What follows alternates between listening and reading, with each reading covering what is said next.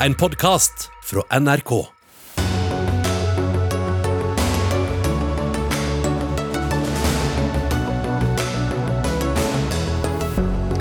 Studentparlamentet ved Universitetet i Oslo vil ikke vite av Ola Borten Moe. Erklærer ham for å være persona non grata. Pubertalt er statsrådens egen reaksjon, og i Dagsnytt 18, da møtes de.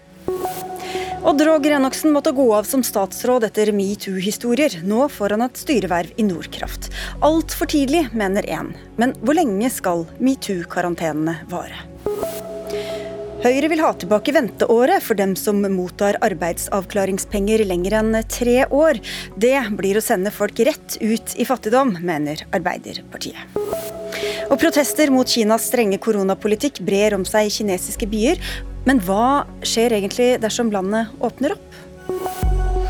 God mandagskveld og vel møtt til en ny uke med Dagsnytt 18. I studio Sigrid Solund. Og først skal vi til Ukraina. For utenriksminister Anniken Huitfeldt og seks av kollegaene hennes i Norden og Baltikum er i hovedstaden Kyiv. Det er den største delegasjonen som så langt har besøkt den krigsherjede byen. Akkurat nå er det pressekonferanse med sju gjestende utenriksministre og Ukrainas utenriksminister Dmitru Kuleba. Joakim Reigstad, du er eh, med oss fra Ukrainas hovedstad. Hva, besøket, hva bunner dette besøket i? Ja, Dette er egentlig et initiativ som kommer fra den estiske utenriksministeren, som ønsket å samle Norden og Baltikum i et felles besøk, hvor også da landene kan stå mer samlet i hvordan man fortsetter med den humanitære og den militære bistanden til Ukraina. Og, Derfor er altså disse utenriksministrene her i Kyiv i dag, hvor de har hatt møter nettopp for å diskutere hvilken type hjelp Ukraina kommer til å trenge når vi går mot en kald vinter her i Ukraina. Og Hva vet du om hva de har kommet fram til så langt? Ja, Det har vært diskusjoner på flere nivåer. Også president Zelenskyj har deltatt på noen av møtene. Og man har snakket mye om nettopp eh, hvordan Ukraina kan få hjelp til å klare strømutfordringene, kraftsituasjonen. Vi vet jo at russiske angrep har vært rettet mot kritisk infrastruktur og mot kraftanlegg eh, de siste ukene og siste måneden. Og det er altså et stort spørsmål. Hvordan skal man løse dette her inn mot vinteren? Har man gode nok beredskap beredskapsløsninger der. Og så har selvfølgelig også ukrainske eh, politikere snakket mye om at man ikke må glemme at det fortsatt er en varm krig som foregår spesielt langs frontlinjen, men også med angrep inn i Ukraina, og at Ukraina trenger stadig påfyll av våpen for å klare å forsvare seg mot de russiske angrepene som kommer hver eneste dag. Hvis logistikken og teknikken står og spiser, så håper vi å få med Anniken Huitfeldt mot slutten av sendinga her. Men du har jo fulgt eh, med henne også i dag. Hun har et møte med president Zelenskyj senere i kveld. Hva har hun sagt om inntrykkene så langt? Nei, Huitfeldt var her i mai og nå igjen da fem måneder senere og sier at hun merker veldig hvordan eh, ting har endret seg her. Eh, var, hun har hatt flere møter også med, med, innbyggere i Ukraina og forteller at det har vært sterke møter. og At hun skjønner veldig hvilken, hvilken utfordring de står overfor nå mot vinteren. Mange er bekymret for at det kan bli veldig, veldig kaldt.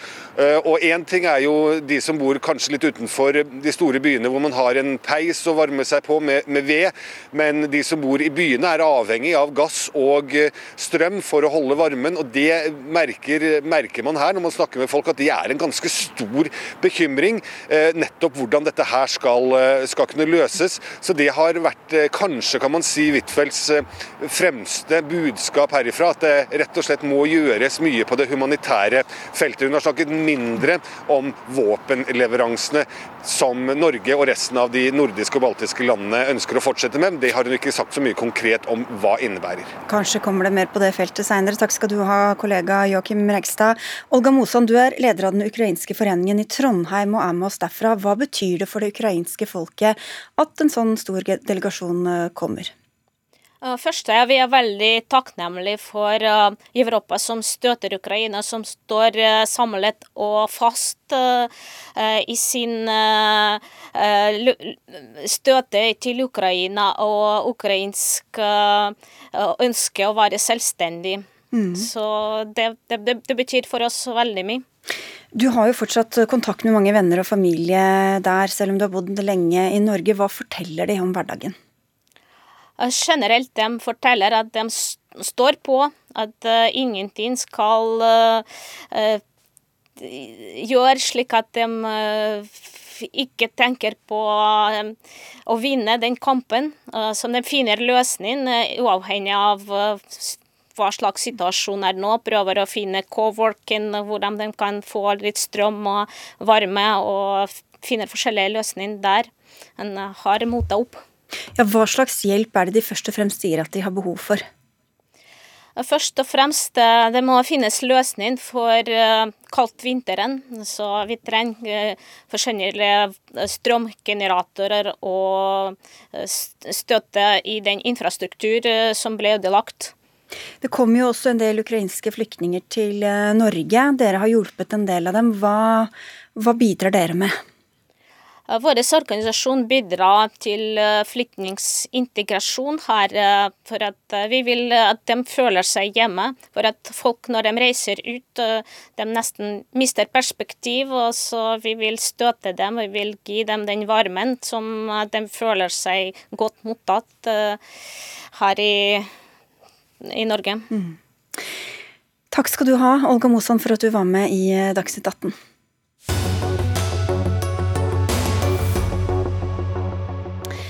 Ola Borten Moe er uønsket på Universitetet i Oslo. Det har studentparlamentet ved universitetet vedtatt. De er så misfornøyde med statsråden for forskning og høyere utdanning at de rett og slett har erklært ham som persona non grata med umiddelbar virkning. Det skriver Universitas. Og hva fikk dere til å lande på dette, Oline Sæther, du er leder av studentparlamentet ved Universitetet i Oslo? Jeg kan jo først si da, at Jeg kan forstå om noen syns at denne uttalelsen er litt dramatisk. Men eh, samtidig så er eh, det, eh, vi har en god begrunnelse for hvorfor vi har vedtatt nettopp dette. Eh, og det handler om at det over lengre tid har bygget seg opp en frustrasjon blant studentene mot hvordan eh, Ola Borten Moe som vår statsråd Eh, møter oss, og hvordan han lytter til det vi har å komme med, og eh, hvordan han eh, svarer ut ting. Og det handler f.eks. om da studentenes trivsel og helseundersøkelse kommer ut nå i høst, så sa den at én av fem studenter har slitt med selvmordstanker. Det er et høyt tall. Og til det så svarer Ole Borten Moe at uh, han uh, mener at uh, majoriteten har det bra. Men en av fem, at én av fem har selvmordstanker, det er ikke godt nok. Og det handler om at vi forventer at Ola Borten Moe som studentenes minister tar situasjonen vår på alvor og møter oss. Og så når han møter oss så langt, så inviterer han ikke akkurat til, til tillit. Eh, og det forventer vi at eh, han som høyere utdanningsminister eh, gjør. Så hvis han kommer og banker på, så lukker dere rett og slett ikke opp? Vi er veldig åpne for dialog, men akkurat denne resolusjonen utelukker kanskje at det skjer på vårt kontor. I kveld så har jeg forstått at studentparlamentet ved Universitetet i Bergen også diskuterer om de skal ha en lik resolusjon.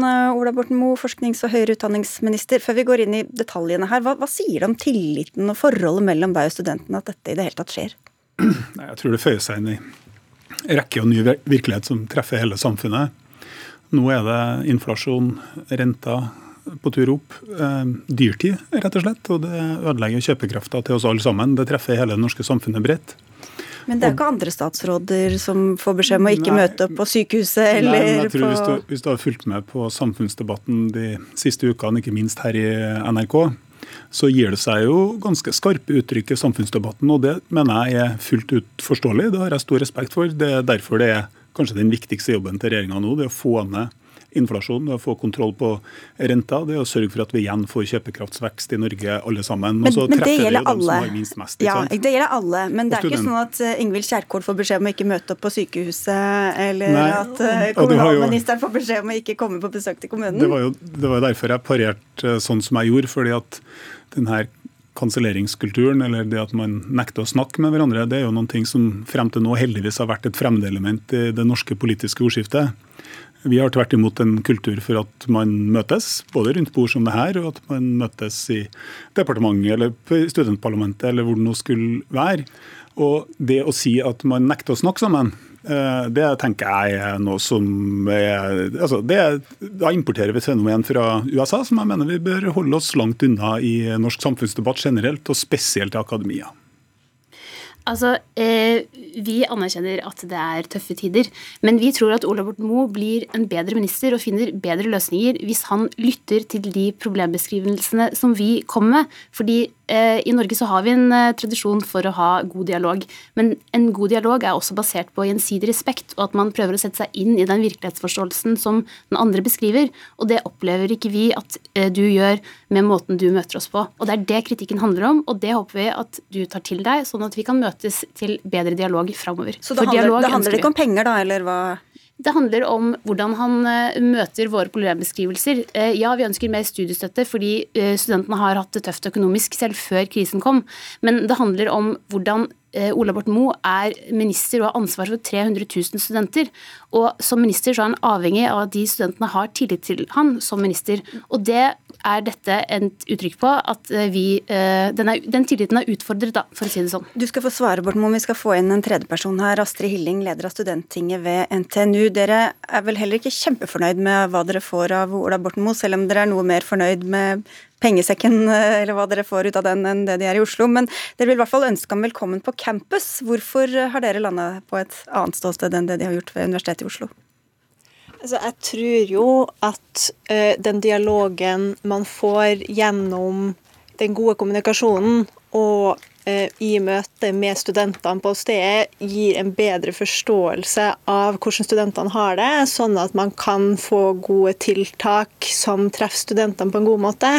Men jeg er helt enig i det at studentene forventer at de skal bli møtt med respekt, og uh, at man har en forventning selv om pengestrekken er stram, om at statsråden eh, skal uh, forstå studentene sin situasjon, og at det er vanskelig. og Det opplever vi ikke i dag, med uh, brudd i Hurdalsplattformen og måten man rett og slett omtaler studentene som gruppe på i samfunnet. og Det er det vanskelig å forholde seg til når man skal diskutere politikk, men ikke oppfatte at man blir tatt på en seriøs måte er de som har ansvar for å sørge for at studentene og høyere utdanning i Norge blir både styrka og utvikles eh, til det bedre for Norge. da.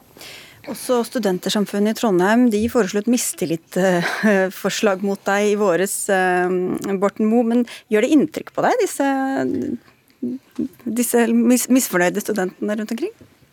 Altså, de som mener at jeg ikke er i stand til å sette meg inn i den situasjonen som studentene møter, og som alle andre møter i det norske samfunnet nå, det mener jeg er feil.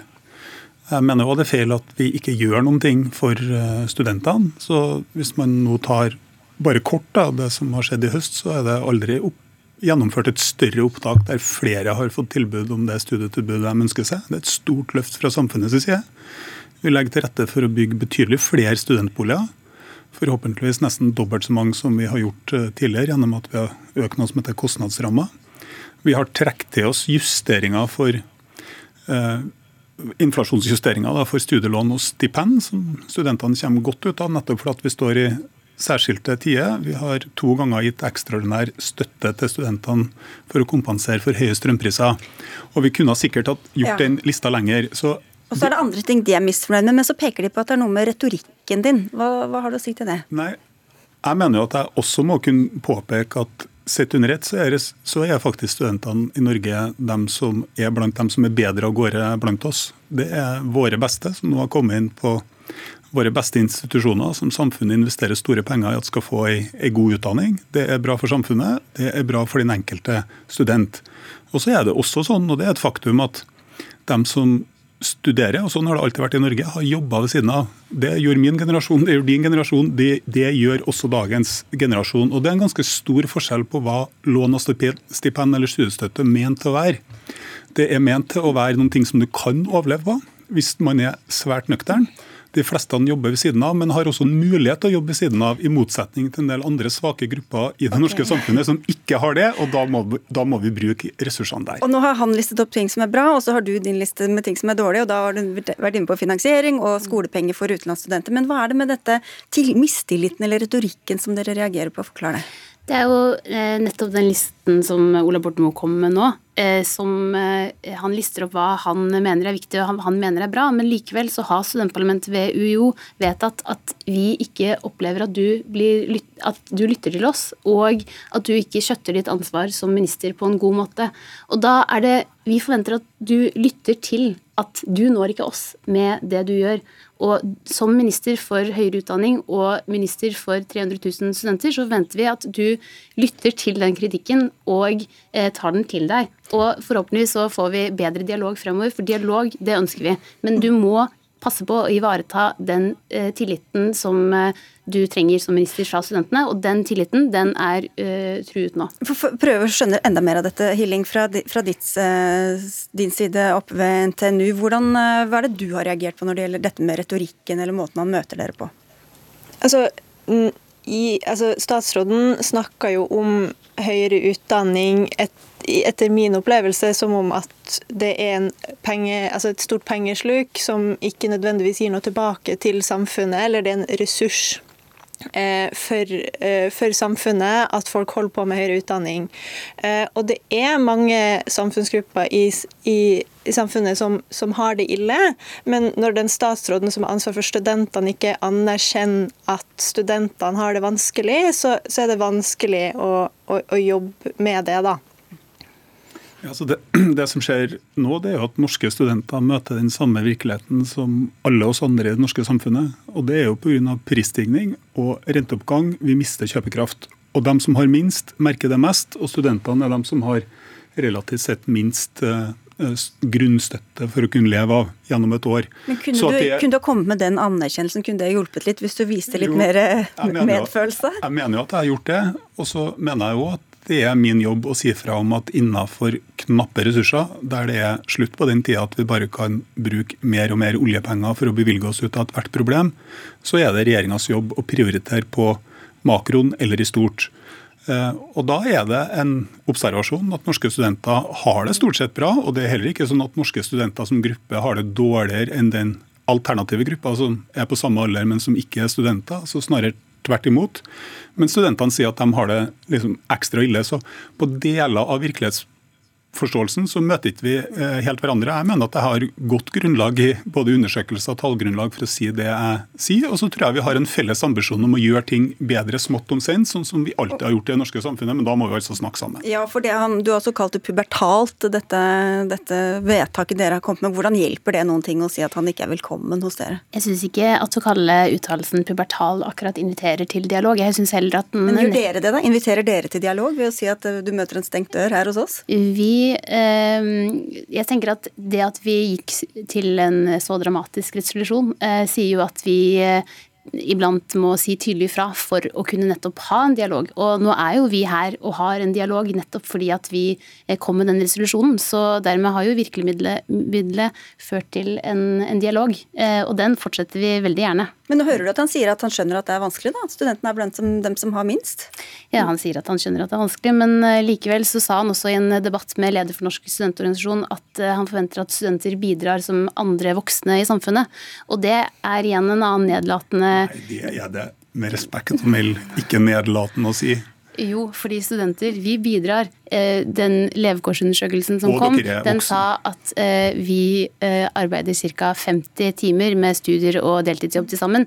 Det er å bidra i samfunnet. Vi sper på den studiestøtta så godt vi kan, men den går utover vår psykiske helse. Når én av fem studenter har selvmordstanker, og vi forventer at det blir tatt på alvor, at vi kommer med konkrete tiltak som bedrer vår situasjon. Hvis ikke så er vår tillit truet til ministeren vår. Og den undersøkelser du viser til, den viser det at det er sammenlignbare tall blant alle i Norge i samme aldersgruppe, uavhengig av om man er student eller ikke. Så det er noen ting som vi trenger å treffe hele de norske ungdomsskolene med, ikke spesifikt retta mot studenter. Er det litt nærtagende, eller? Nei, men jeg tenker at altså, Det går ikke an å bli fornærma av at jeg påpeker at studentene har blitt voksen, for det har man per definisjon, og at man dermed òg har et ansvar for eget liv og egen utvikling. Og så er det min jobb å stille opp med et godt kvalitativt studietilbud massevis av studentboliger, og ikke minst prøve å gjøre det så levelig som overhodet mulig, med kombinasjon av internasjonal sammenheng den aller beste studiefinansieringsordninga som finnes.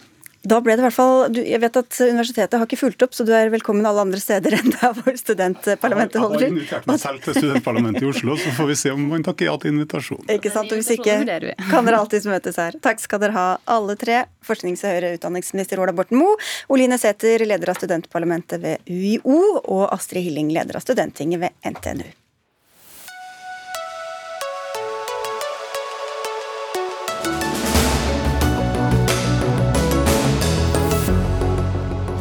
Om ikke lenge skal regjeringa avgjøre utlånsforskriftens skjebne. Den sier hvor mye boliglån hver enkelt av oss kan ta opp. Eh, og nå vil Finanstilsynet stramme inn reglene. Blant annet vil tilsynet at det ikke lenger skal eh, være mulig å låne fem ganger egen inntekt, men bare fire og en halv gang.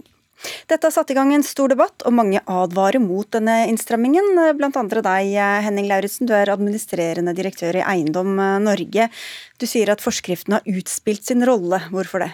Ja, Den ble innført som et eh, lavrentetiltak. Renten var veldig lav, og så var man redd for at folk skulle ta opp for mye lån, eller at bankene skulle gi folk for mye lån.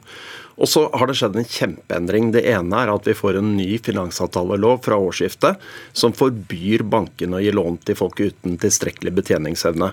Da har vi løst en del av problemet. Og så er ikke renten lav lenger, den er høy. og Det betyr at da får ikke folk låne så mye.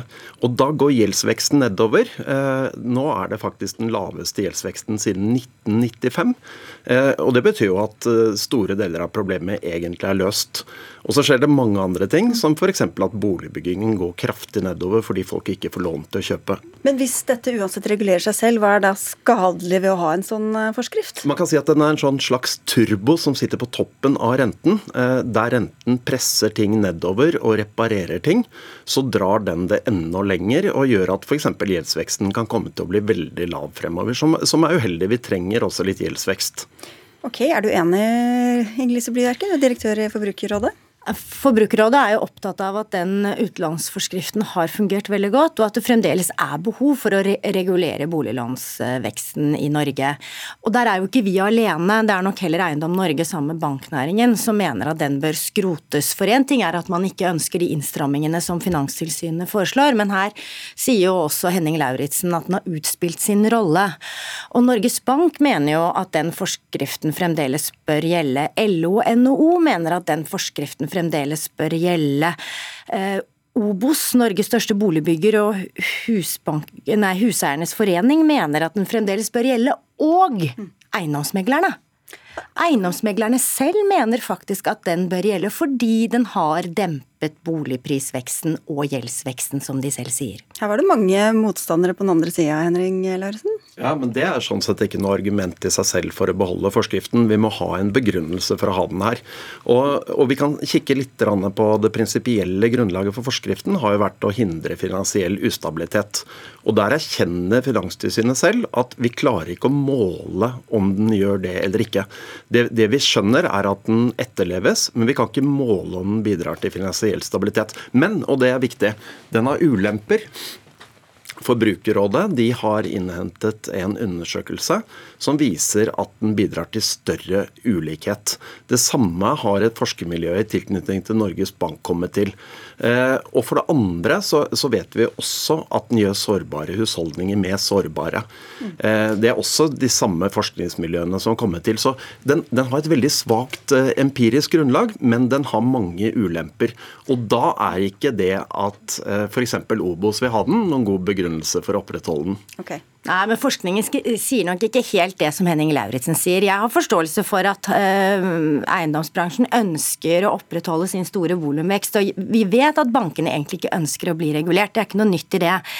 Men den undersøkelsen som han øh, henviser til, og som det var Forbrukerrådet som er innhentet fra Oslo Economics, sier jo faktisk noe annet. Den sier at dersom du øh, skroter forskriften, så får du høyere boligpriser, du får økt finansiell sårbarhet, og du gjør hver og en mer sårbare overfor både pris prisfall og høyere renter, og det er nettopp det vi står overfor i den dyrtiden. At noen dermed også blir eh, nektet muligheten å komme inn på boligmarkedet, er selvfølgelig en utfordring. Det tror jeg både du og jeg er enige om. Men vi løser ikke disse problemene ved å gjøre folk enda mer forgjeldet enn de er, eller sette dem i en situasjon hvor de ikke er i stand til å betale gjelden sin. Men hvorfor skulle bankene ville låne ut til noen som ikke er i stand til å betale gjelden sin? De får ikke lov til det fra årsskiftet, det er forbudt. Så det problemet er egentlig løst. Nei, Det problemet er nok ikke løst, men det er helt riktig at vi får en ny finansavtalelov med avslagsplikt. Det er noe som Forbrukerrådet har arbeidet for, nettopp fordi bankene faktisk i mange sammenhenger, og det har vi sett gjennom veldig mange tider, også usikre tider og krisetider, at bankene har det med å overvurdere vår betalingsevne og undervurdere utgiftene. Men Hva er problemet med gjeldsveksten når den er den laveste på 27 år? Altså Den stuper jo nettopp fordi renten stiger. Norge er fremdeles et av de mest forgjeldede landene i verden, og det vet nok også Henning Lauritzen også veldig godt. Eh, vi, Danmark har klart å få gjeldsveksten eh, betydelig ned. Den har også gått veldig ned nå. Nei, den har ikke gått veldig ned, og det er fremdeles et stort behov for å sørge for at vi ikke blir mer us finansiell ustabile enn det vi blir, eller mer sårbare. og det er jo der Forbrukerrådet har sin misjon. Vi snakker på vegne av forbrukernes interesser, og vi vet at langt flere har kommet i en, faktisk en dobling har kommet i en mer sårbar situasjon bare i løpet av det siste året. Men Altså Renta den kan jo gå opp og den kan gå ned, så hvis den går ned igjen, da er det behov for en sånn forskrift, eller? Det, det kan godt være, men da må man gjøre noe med Så skal innføre den og utfase ja, ja, den? ble også. innført som et midlertidig tiltak, så det er en mulighet. Men en ting som er ganske viktig å ha med seg, det er at boligsalget på nye boliger stuper nå. Og dette har vi sett i forbindelse med finanskrisen. Vi så det da bankene fikk kapitalkrav i 2013. Og det som alltid skjer da, er at vi får en veldig ubehagelig situasjon i boligmarkedet. Først synker prisene. Så synker nyboligsalget, så synker boligbyggingen. Så blir det for få boliger, for befolkningen vokser, og i tillegg kommer det mange fra Ukraina hit. Og så får vi en kjemperekyl. Og mange kan sikkert Men at prisene sikkert, synker, kan da være veldig gode nyheter ja, for mange? Og at færre kjøper det som investeringsobjekter? I en, så kan det isolert være bra, men det er ikke noe bra at boligbyggingen synker. Og i, i 2016 så fikk vi en veldig rekyl pga. forrige produksjonsbrems. Og da steg f.eks. boligprisen i Oslo på 24% på ett år. Fordi man strammet til for hardt. Og det er det vi gjør nå. Blir verket. Nei, jeg, jeg, opplever jo at uh, Henning Lauritzen her snakker fordi han ønsker å opprettholde om, omsetningsvolumet på, på, nye boliger, og han ønsker høy profitt for sine medlemmer. Det er helt fair enough. Men det vi ser, er at vi fremdeles har en veldig høy gjeldsvekst. Vi har veldig mange forbrukere som er veldig sårbare, og vi vet at bankene ikke regulerer sin egen utlånspraksis. Så er det jo Nei, det stemmer jo faktisk ikke. Se hva forskningsavdelingen i Norges Bank har Norges kommet til. Bank, ja, men kjære deg, Norges Bank Bank går inn for å opprettholde forskriften. Jeg snakker om forskningsavdelingen, ikke ja, ledelsen. Men altså, Norges Bank er det som er høringsinstans, og vi er altså eh, så mange Men skal vi ikke høre på forskningen? Men kjære vene, det var da voldsomt som du hadde behov for å, å avbryte meg, da. Jeg er glad i forskning, vi må legge vekt på forskning.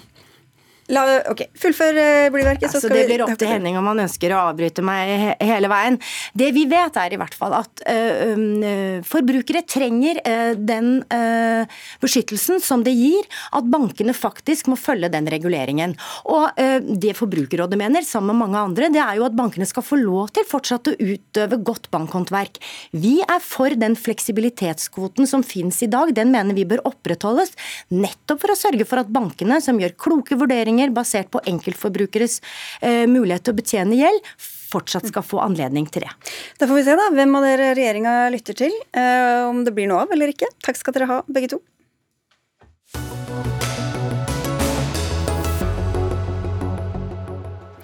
Hvor lenge varer en metoo-karantene? Det spørsmålet blir stilt i Nordnorsk debatt i dag. Bakgrunnen er at tidligere forsvarsminister Odd Roger Enoksen har fått et nytt verv i et stort offentlig eid energikonsern i Nord-Norge. Og det skjer et halvt år etter at han måtte forlate posten som forsvarsminister pga. upassende atferd mot kvinner. Det var du som skrev denne kronikken og stilte dette spørsmålet, Elin Vinje Jensen. Du er bosatt i Tromsø, og hva svarer du på ditt eget spørsmål? Hvor lenge bør en metoo-karantene vare? Ja, nå reiser jeg jo først og fremst et spørsmål som kanskje kan trigge til en prinsipiell debatt. For eh, karantene, karantene i metoo-sammenheng det er jo vanligvis ikke en juridisk sak. Enoksen har jo ingen dom fra en rettssak. Han har jo ikke gjort noe formelt galt mot denne kvinnen her. Eh, men han har gjort et så alvorlig overtramp at han måtte forlate en av landets viktigste poster. Og Da er det relevant å, å drøfte om når er tida egentlig moden for å innkassere nye, viktige offentlige verv som styrevervet i Nordkraft faktisk er, etter å ha vært involvert i en alvorlig metoo-sak. Vi kan jo prøve å ha det litt overordnet og prinsipielt her, for vi har ikke med oss Enoksen heller. Men eh, for å ta dette, akkurat denne ansettelsen, eh, Knut Andreas Nordmo. Du er ordfører i Andøy og representerer Senterpartiet. Og din kommune er altså medeier i eh, Nordkraft. Hvorfor ville dere ha Enoksen inn i dette vervet såpass kort tid etter det som skjedde? Ja, altså, Vi har jo vært på leting etter den beste kompetansen som vi trenger på dette saksfeltet. Eh, og i forhold til de oppgavene som skal løses, eh, og de oppgavene som da ligger i aksjonæravtalene etter denne fusjonen. Og Da har vi vurdert eh, at en tidligere energiminister og en tidligere styreleder i et energikonsern har denne kompetansen. Og Vi har jo selvfølgelig også vurdert den metoo-saken og har konkludert med at han har beklaga, han har gått av som statsråd i en sak som er 15 år tilbake i tid. og Konklusjonen vår er jo at eh, da må det være lov å få en ny sjanse 15 år etter den hendelsen. Ja, hvorfor skulle han egentlig ikke få det, Jensen? Hvorfor han ikke skulle få ny sjanse? Og så, han, eh, det er utvilsomt, Enoksen har jo kompetanse på mye, eh, på mye og, men det er jo ikke det er jo veldig mange andre i Nord-Norge som også kunne gått inn i dette styret. Det er jo ikke akkurat tørke nordpå kandidater som kan gjøre gode og kloke vurderinger om kraftmarkedet fremover. Ja, Vurderte dere andre, Nordmo? Ja, vi har vurdert mange. Men, men vi konkluderte med at eh, en tidligere uh, energiminister og en tidligere styreleder i et energikonsern hadde den kompetansen som vi var på leting etter. Du, jeg sa at såpass kort tid, men det er jo avhengig av øyet som ser det, hva som er lang og hva som er kort tid. Men hva med hensynet til de kvinnene som har hatt negative opplevelser med Enoksen da, Normo? Ja, det, altså, det er som sagt, som jeg sier, det er 15 år siden den hendelsen. Og vi vurderte jo sånn at eh, da må det være lov å få en ny sjanse. Mm. Ja, Hvor lenge skal man sone i offentligheten eh, hvis man har gjort noe sånn klanderverdig, Jensen? Altså, Hvor lenge en karantene eller sånn, hvor lenge Ja, Det er jo egentlig et veldig aktuelt spørsmål i lys av alle metoo-sakene som har uh, dukket opp de siste mm. årene. Men jo, i denne saken så er det jo egentlig Nordkraft som bør svare på det. Det er jo de som har hyra inn Enoksen. Så hvilke vurderinger har de gjort? Altså dette, ja, Det har vi jo hørt for så vidt, da, men dette gjelder jo flere enn bare vedkommende vi snakker om nå. Anki Gerhardsen, du er journalist og samfunnsdebattant, og du sier du reagerer på tonen i dette innlegget til eh, Elin Vinje Jensen. Eh, hvordan da?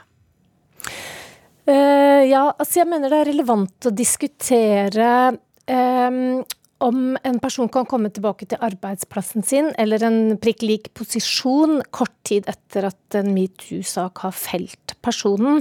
Men eh, det jeg oppfatter at Jensen diskuterer i sin kronikk, er om et menneske som har opptrådt umoralsk, i det hele tatt skal få lov til å ha en eh, betydningsfull jobb i det norske arbeidslivet. Hun antyder jo at han heller burde pensjonere seg, altså leve på stønad fra Nav. og da eh, har jeg egentlig to spørsmål. Det ene er på hvilken måte tjener det samfunnet at et arbeidsdyktig menneske ikke tjener sine egne penger? Det er kanskje det minst interessante spørsmålet. Men det andre er altså eh, hun, hun, spør hvor lenge skal en metoo-karantene vare, og antyder at eh, han har kommet altfor tidlig tilbake i jobben sin. Men hun gir heller ikke noe svar. ikke sant? Så det hun hun ehm, legger opp til det er at det er en slags sånn folkemening, en stemning, som skal avgjøre hvor lenge et menneske skal være utstøtt eller ikke. da. Og eh, det minner meg egentlig om samfunn som ikke jeg har så veldig lyst til å bo i. Jeg lurer på om Jensen selv har lyst til å bo i et samfunn der hun, hun kan, der hun kan risikere omfattende straff, at den skal bestemmes av en slags sånn folkemening, og ikke av rettsvesenet, f.eks. Så eh, en av de Vi kan jo la Jensen ja. få svare på det. Altså, han er jo Jeg mener jo absolutt at er noe som har mange gode ressurser. Men nå snakker vi jo om et, et offentlig verv, og da syns jeg, synes jeg vi kan skille fra privat virksomhet. Og han eh, har så vidt jeg vet, eh, er så vidt jeg vet aktiv i norsk samfunnsliv. Og Hvis Enoksen vil representere, representere seg sjøl og egen virksomhet, så har han jo alle muligheter til det i offentligheten. Så Hva slags jobb viktig. kunne han hatt da, som du syns var OK med den um, CV-en si, som han har? Han kan bidra med mye, men å ha et offentlig verv, det det syns jeg at uh, det betinger jo litt mer. fordi at Et offentlig verv det har, man, det har man jo på vegne av fellesskapet, og i dette tilfellet kommuner og de som bor der. Men det jeg vil si det er at det er Enoksen sjøl som har skapt disse problemene, som er bakgrunnen for at jeg skrev denne kronikken, og at dette debatteres. Forhåpentligvis så vil jo andre maktpersoner kanskje lære noe av en sånn debatt, og, og ikke utnytte sine posisjoner. Du, du skal få svare, Gerhardsen, men vi skal få en, en fjerdeperson her. Kristin Skar Orgeré, du er professor i journalistikk og mediefag ved Oslo OsloMet, og du skal få slippe å kommentere denne enkeltsaken, som jeg skjønner du helst ikke vil heller. Men til den litt sånn overordnede debatten, eh, hva, hva syns du om at den reises? Det er veldig interessant at den reises igjen. og Det vi fant da vi forsket på en rekke metoo-saker i den såkalte første bølgen av da metoo kom til Norge i 2017 til 2019, var jo nettopp det vi også ser tendenser til her. Veldig, veldig steile fronter. Og kanskje at man ser Eh, saken enten fra den ene siden eller fra den andre siden. Det er jo helt naturlig. Men at vi også får en bevisstgjøring rundt kanskje dette spørsmålet som er det aller viktigste. Eh, hva er det verste som kan skje, og for hvem? Og her hører vi at på den ene siden er det verste som kan skje at en eh, person ikke får mulighet til å legge de feilene man har begått bak seg, ikke får mulighet til å gjøre opp for seg og gå videre med livet sitt. Det er det verst tenkelige. Mens et annet perspektiv kan være at det aller verste er at den som har varslet, og da også fått medhold forhold i, i varslingen, eh, blitt utsatt for seksuell trakassering, ikke for får inntrykk av at man er blitt tatt alvorlig, eller at den varslingen får konsekvenser. Og Da kommer jo tid inn som en veldig viktig dimensjon. Eh, og skal man si Er det 15 år som er gått, eller er det fem måneder som er gått siden denne igjen nok en betent og opprivende sak var eh, høyt oppe på dagsordenen i offentligheten. Anke Gerhardsen, hva synes du, hvor mye um, hensyn skal man ta til dem som uh, har vært om man skal kalle det offer eller utsatt for, uh, for disse menneskene, da? Hvis disse menneskene hadde eh, fortsatt hatt tilknytning til den arbeidsplassen som denne metoo-mannen, da, hvis vi nå snakker eh, på prinsipielt grunnlag, skulle tre inn i, så syns jeg jo at det blir en helt annen situasjon. Men det er jo ikke tilfellet her. Eh, men, da, men, avbryt, men her var, han, Overtrampene skjedde jo heller ikke i rollen som forsvarsminister, selv om det var den rollen han måtte gå av fra. Så hvis han ikke hadde tillit til den rollen, som egentlig ikke hadde noe med saken å gjøre, hvorfor skal han da ha tillit til en annen offentlig rolle nå? Ja, men da må jeg nesten svare med et motspørsmål. Skal han ikke jobbe? Er det det som er liksom løsningen, da? Nei, men jeg bare lurte på det siden du sa at hvis man har altså metoo-mannen i, i, den situasjonen må gå av fra da, skjønner jeg at ja, du sier at det ikke Men jeg tenker at det, det, å sitte i en posisjon som forsvarsminister, det er noe helt annet enn å ha en posisjon i et styre i kraftbransjen.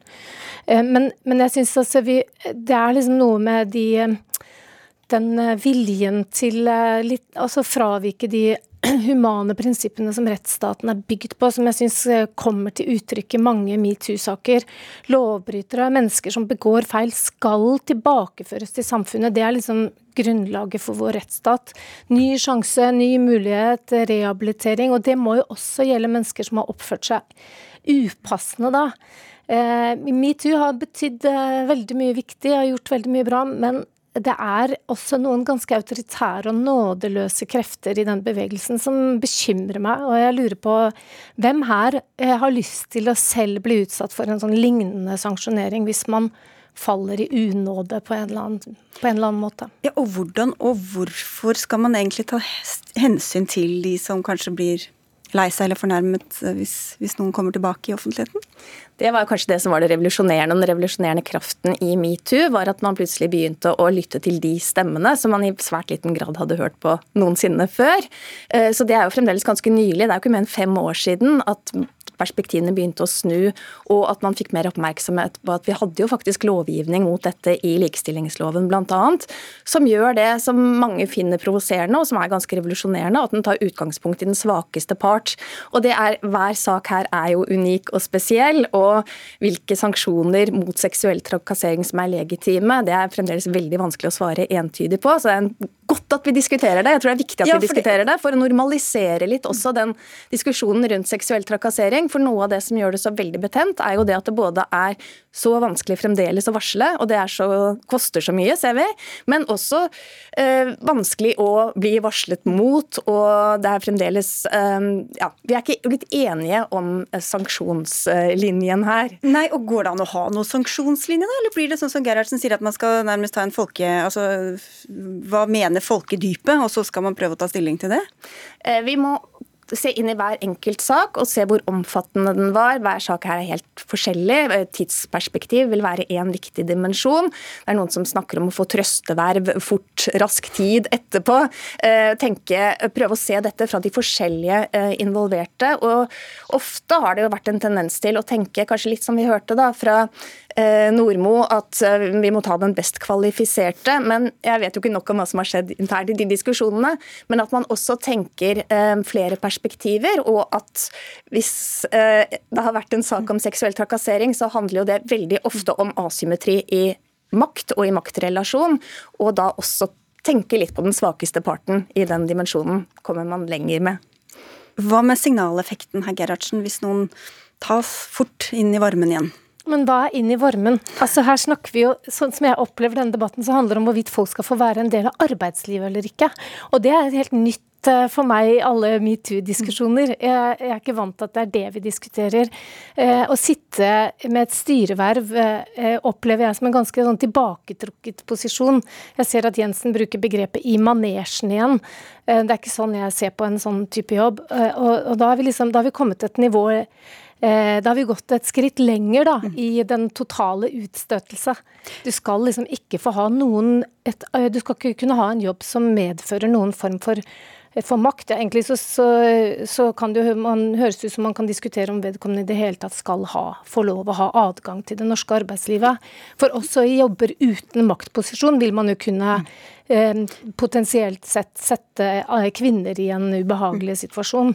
Så jeg blir litt sånn bekymra over at vi egentlig i det hele tatt har denne diskusjonen. Jensen? Ja, jeg syns jo Jeg syns at eh, det reagerer på det du sier at han, at, jeg, at han ikke kan delta eller, i samfunnet, i offentlig debatten. Det, det mener jeg jo ikke. At han, det mener jeg jo absolutt Arbeidslivet. Arbeidslivet, jo, det mener jeg jo jeg kan, men jeg mener jo det at det jeg reagerer på, det er jo Jeg stiller spørsmål med tidspunktet. Er det seks måneder etterpå? Er det, er det Skal man være arbeidsledig i seks måneder, tolv måneder? Altså, hva mener du at en person som eh, fratrer et verv pga. metoo-hendelser 15 år tilbake i tid, skal de være arbeidsledige en stund? Er det det du foreslår? Nei, men jeg tenker Vi kan stille spørsmål med når er tida riktig for at vedkommende skal innta offentlige verv. Og da, Jeg skrev jo denne for jeg syns at det er noe umusikalsk over eh, et, at et offentlig eid selskap, en gigant faktisk i nordnorsk eh, næringsliv, som hyrer opphavsmann til kanskje den største metoo-skandalen i, i, norsk offentlighet i år.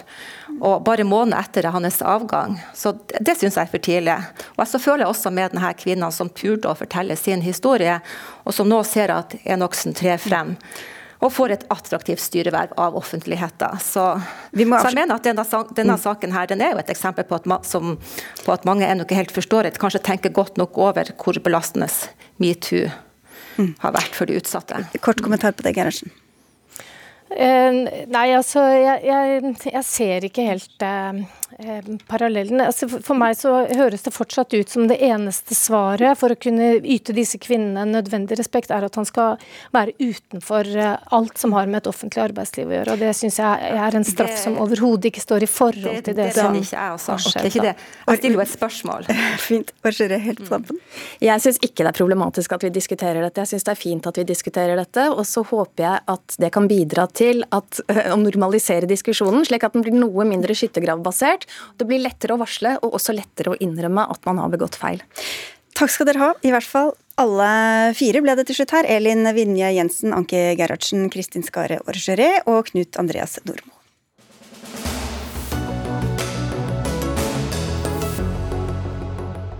Høyre vil gjeninnføre karensåret for folk på arbeidsavklaringspenger, AAP. Ordningen gir pengestøtte fra Nav, som man kan få hvis man er syk eller skadet, mens man venter på å få avklart mulighetene for om man kan begynne å jobbe igjen, eller om man skal få varig arbeids... nei, uføretrygd. Men i Høyres alternative statsbudsjett foreslår de at hvis man har fått AAP i tre år, skal Nav stanse utbetalingen i ett år, før man så kan søke igjen. Og Den forrige regjeringa hadde vel denne ordningen før dere endret den, Tuva Moflag. Du sitter på Stortinget for Arbeiderpartiet og kaller forslaget uverdig og stygt. Ja, det gjør jeg. Fordi at nå mens vi er i en situasjon hvor veldig mange er bekymra for hvordan de skal få endene til å møtes, og den politiske debatten egentlig handler om hvordan vi skal hjelpe de som sliter i hverdagen mer, eh, så kommer da Høyre med et forslag hvor de vil rive teppet under beina på folk og sende dem ut i fattigdom. Eh, og det er jo sånn at eh, folk som vi snakker med nå, som ble utsatt for dette karensåret under Erna Solbergs regjering, de sliter med ettervirkningene av det fremdeles fremdeles. Så at Høyre går inn i dette på nytt med åpne øyne, det syns jeg faktisk er overraskende. Eller egentlig kanskje ikke så overraskende, fordi de har jo foreslått det før også. Men at ikke de tar til seg de historiene, syns jeg er trist. Ja, Det var mye misnøye med dette, Anna Molberg. Du sitter på Stortinget for Høyre. Hvorfor vil dere gjeninnføre ordningen? Vi vil gjeninnføre den fordi arbeidsavklaringspenger er ment å være en tidsbegrenset eh, ytelse som skal avklare om du skal fortsette jobb eller på uføretrygd. Og så var det jo sånn da at eh, når vi satt i regjering i 2018, så ble det gjort veldig mange endringer i hele ordningen. Og det var fordi den ikke fungerte etter hensikten, og veldig mange ble værende på et arbeidsavklaringsløp i altfor mange år. Så hele poenget her er jo at man må avklares, og vi mener jo det er en verdi i nettopp det å få avklart hvor du skal skal i livet, om du skal tilbake til jobb, eller om du skal videre på uføretrygd. Og nå var det jo sånn at eh, Arbeiderpartiet stemte jo imot alle de innstramningene vi gjorde i 2018 i AAP-ordningen, men nå gjeninnfører man da altså pauseåret, eller karensåret.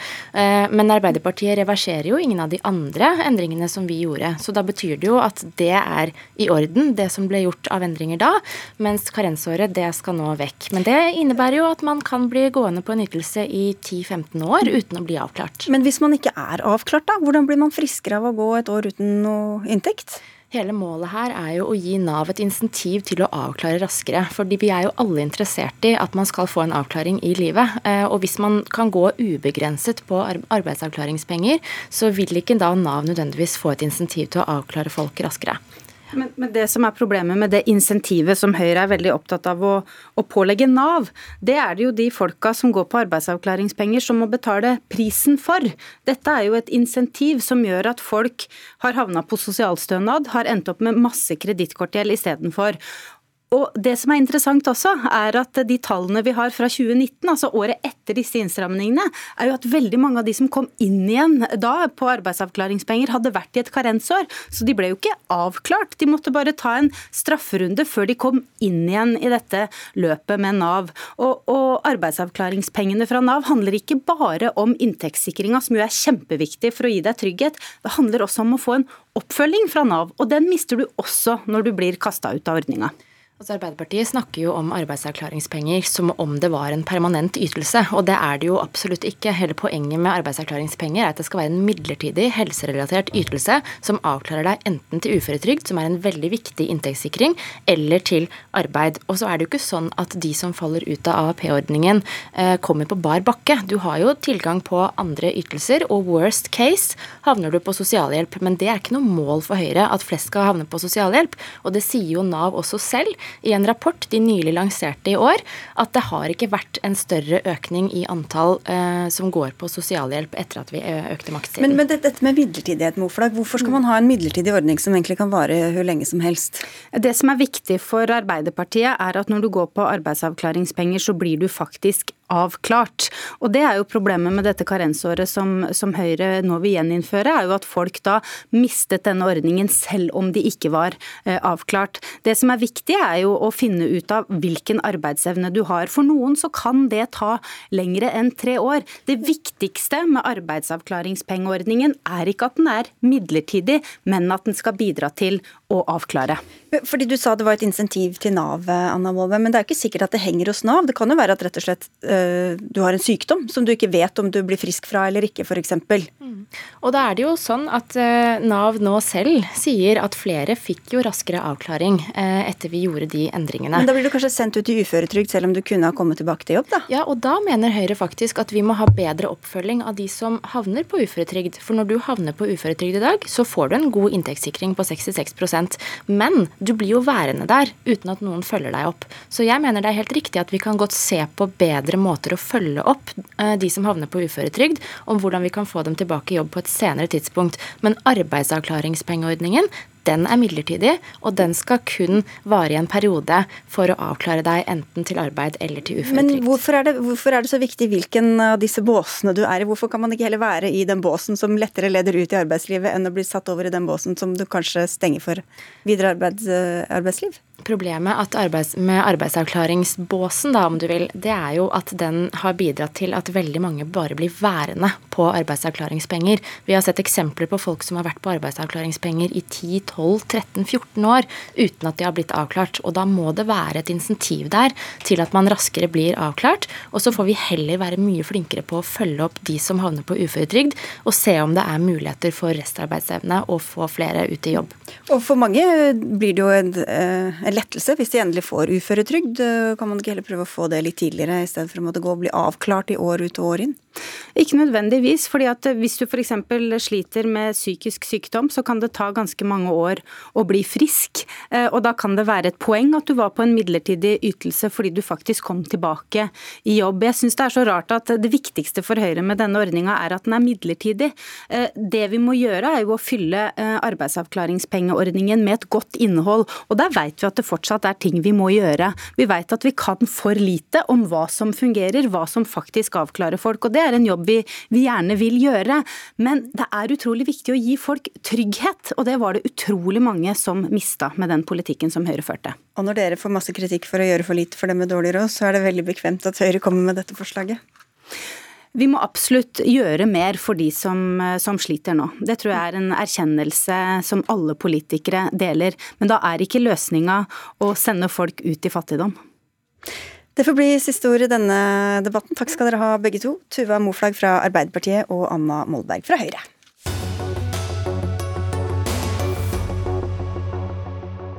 Demonstrasjoner sprer seg i Kina. Demonstrantene kjemper mot myndighetenes strenge smittevernregler, som har som mål å holde all koronasmitte borte.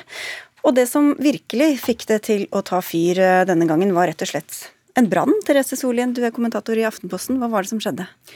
Det brøt ut en brann i Urumqi, en boligblokk. og Så skal det ha tatt noe sånn som tre timer for brannmannskapet for å komme frem til bygningen pga. koronarestriksjonene. Eh, og ti mennesker døde i den brannen.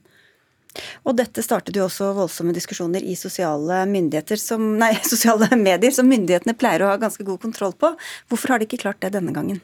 Det er noe med omfanget. Altså, det ble så mye, og disse historiene piplet ut av lignende typer historier om treåringer som ikke fikk helsehjelp i tide osv. Så eh, jo da, man kan sensurere, men ikke alt. Og når det blir mange nok, så koker det over, da. Og for hvor strenge er de restriksjonene nå? Det er, altså Jeg vet ikke om noen engang husker ordet klemmevenn, men det er, det er, på det nivået. Folk blir låst inne i leilighetene sine i ukevis. Eh, det er hjemmeskole, selvfølgelig. Det er, eh, det er kjempestrengt. En fjerdedel av befolkningen er innelåst i en eller annen forstand nå. Hedda Flate, du er forsker ved forskningsstiftelsen Fafo og har Kina som spesialfelt. Er det overraskende at dette, disse demonstrasjonene kommer nå? Altså, eh, på en måte så er det ikke så overraskende, fordi at det er eh, det er jo ikke helt uvanlig med demonstrasjoner i Kina. Det har, eh, det har vært en god del demonstrasjoner i, opp igjennom, altså i, i alltid. Og det har jo blitt på en måte strengere under Xi Jinping, og det har vært mindre anledning til å komme seg ut og demonstrere pga. disse covid-restriksjonene. Men det har fortsatt vært en del protester i Kina. Um, men det som er overraskende med uh, de demonstrasjonene som er nå, da, det er at det er, for det som er vanlig, er at man har demonstrasjoner mot sånn veldig spesifikke ting som man er eh, liksom frustrert over eh, på lokalt nivå, og at man sikter kritikken mot lokale myndigheter eller liksom en bedrift eller sånn veldig sånn spesifikke aktører på litt sånn lavt nivå. Mens nå så er det spredt over hele landet. Det er i de store byene. Eh, og, og det har kommet en del altså Noen av de slagordene som er blitt ropt og plakatene som er blitt vist, har jo vært sikta mot sentralregjeringen mm. og Xi Jinping selv. Og det er veldig uvanlig. Ja, Hva er det et uh, tegn på, tror du, Solien? Ned med kommunistpartiet, ned med Xi Jinping? Eh, nei, jeg er enig i at dette, man skal ikke overdrive i hvilken grad dette er på en måte noe sånn ønske om å rive ned det regimet som sitter ved makten.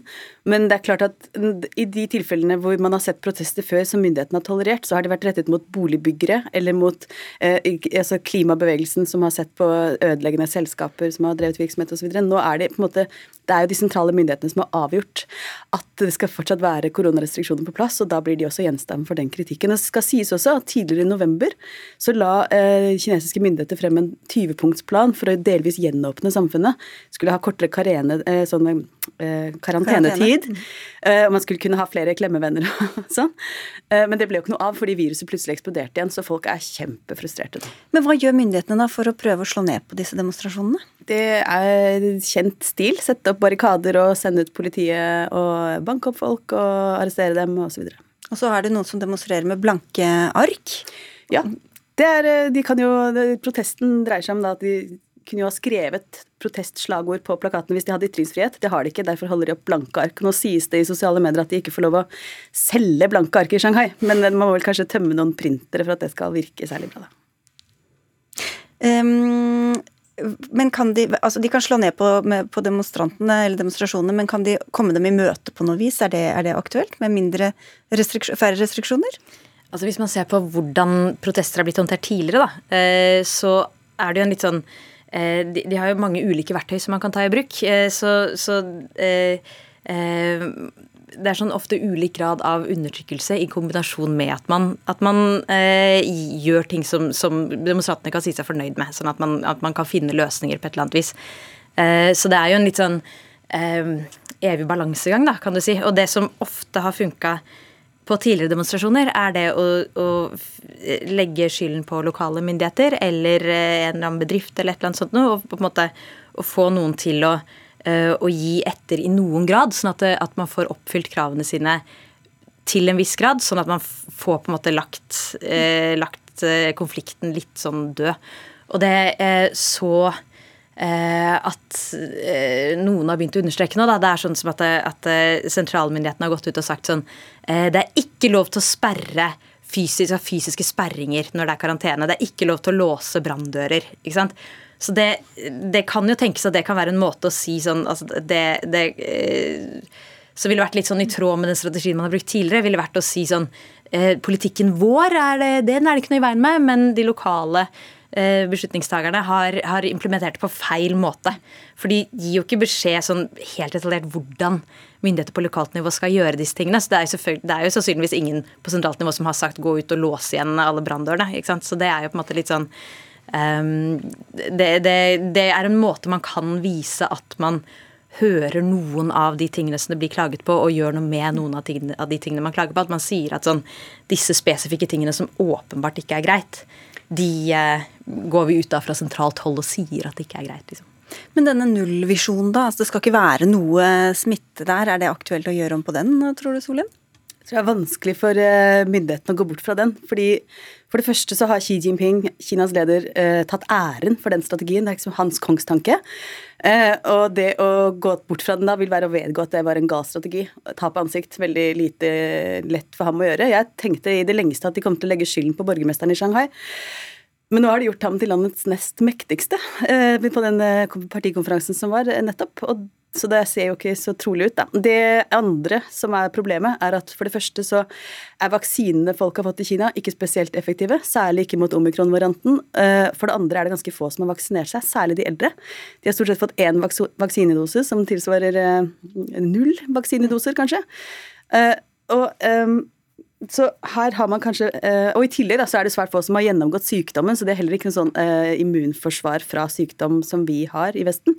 Så da har myndighetene på en måte uh, to veldig dårlige alternativer. Enten si vi tok feil, strategien var gal, og så slippe opp og ende opp med sånn Lombardia-tilstander. Eller så kan de fortsette å tviholde på nullvisjonen og uh, oppleve flere demonstrasjoner. Det finnes jo veldig mye man kan gjøre som er mellom de to ytterpunktene. Da. Så det går an å gjøre veldig mye mer for å rulle ut vaksiner. Og det går an å, å gjøre noe med måten helsesystemet opererer på, sånn at ikke alle må på institusjon f.eks. hvis du er smitta at man kan ha hjemmekarantene og sånt. Så det, det fins en del tiltak man kan gjøre. Altså. Vi får se om Xi Jinping hører på Dagsnytt 18 og lytter til deres råd. Takk skal dere ha begge to, Therese Solien og Hedda Flate. Dagsnytt 18 er ved veis ende. Det var Anne Katrine Førli som hadde ansvaret for innholdet i sendinga. Eli Kyrkjebø hadde det tekniske ansvaret. Mitt navn er Sigrid Solund, og vi høres og ses igjen i morgen.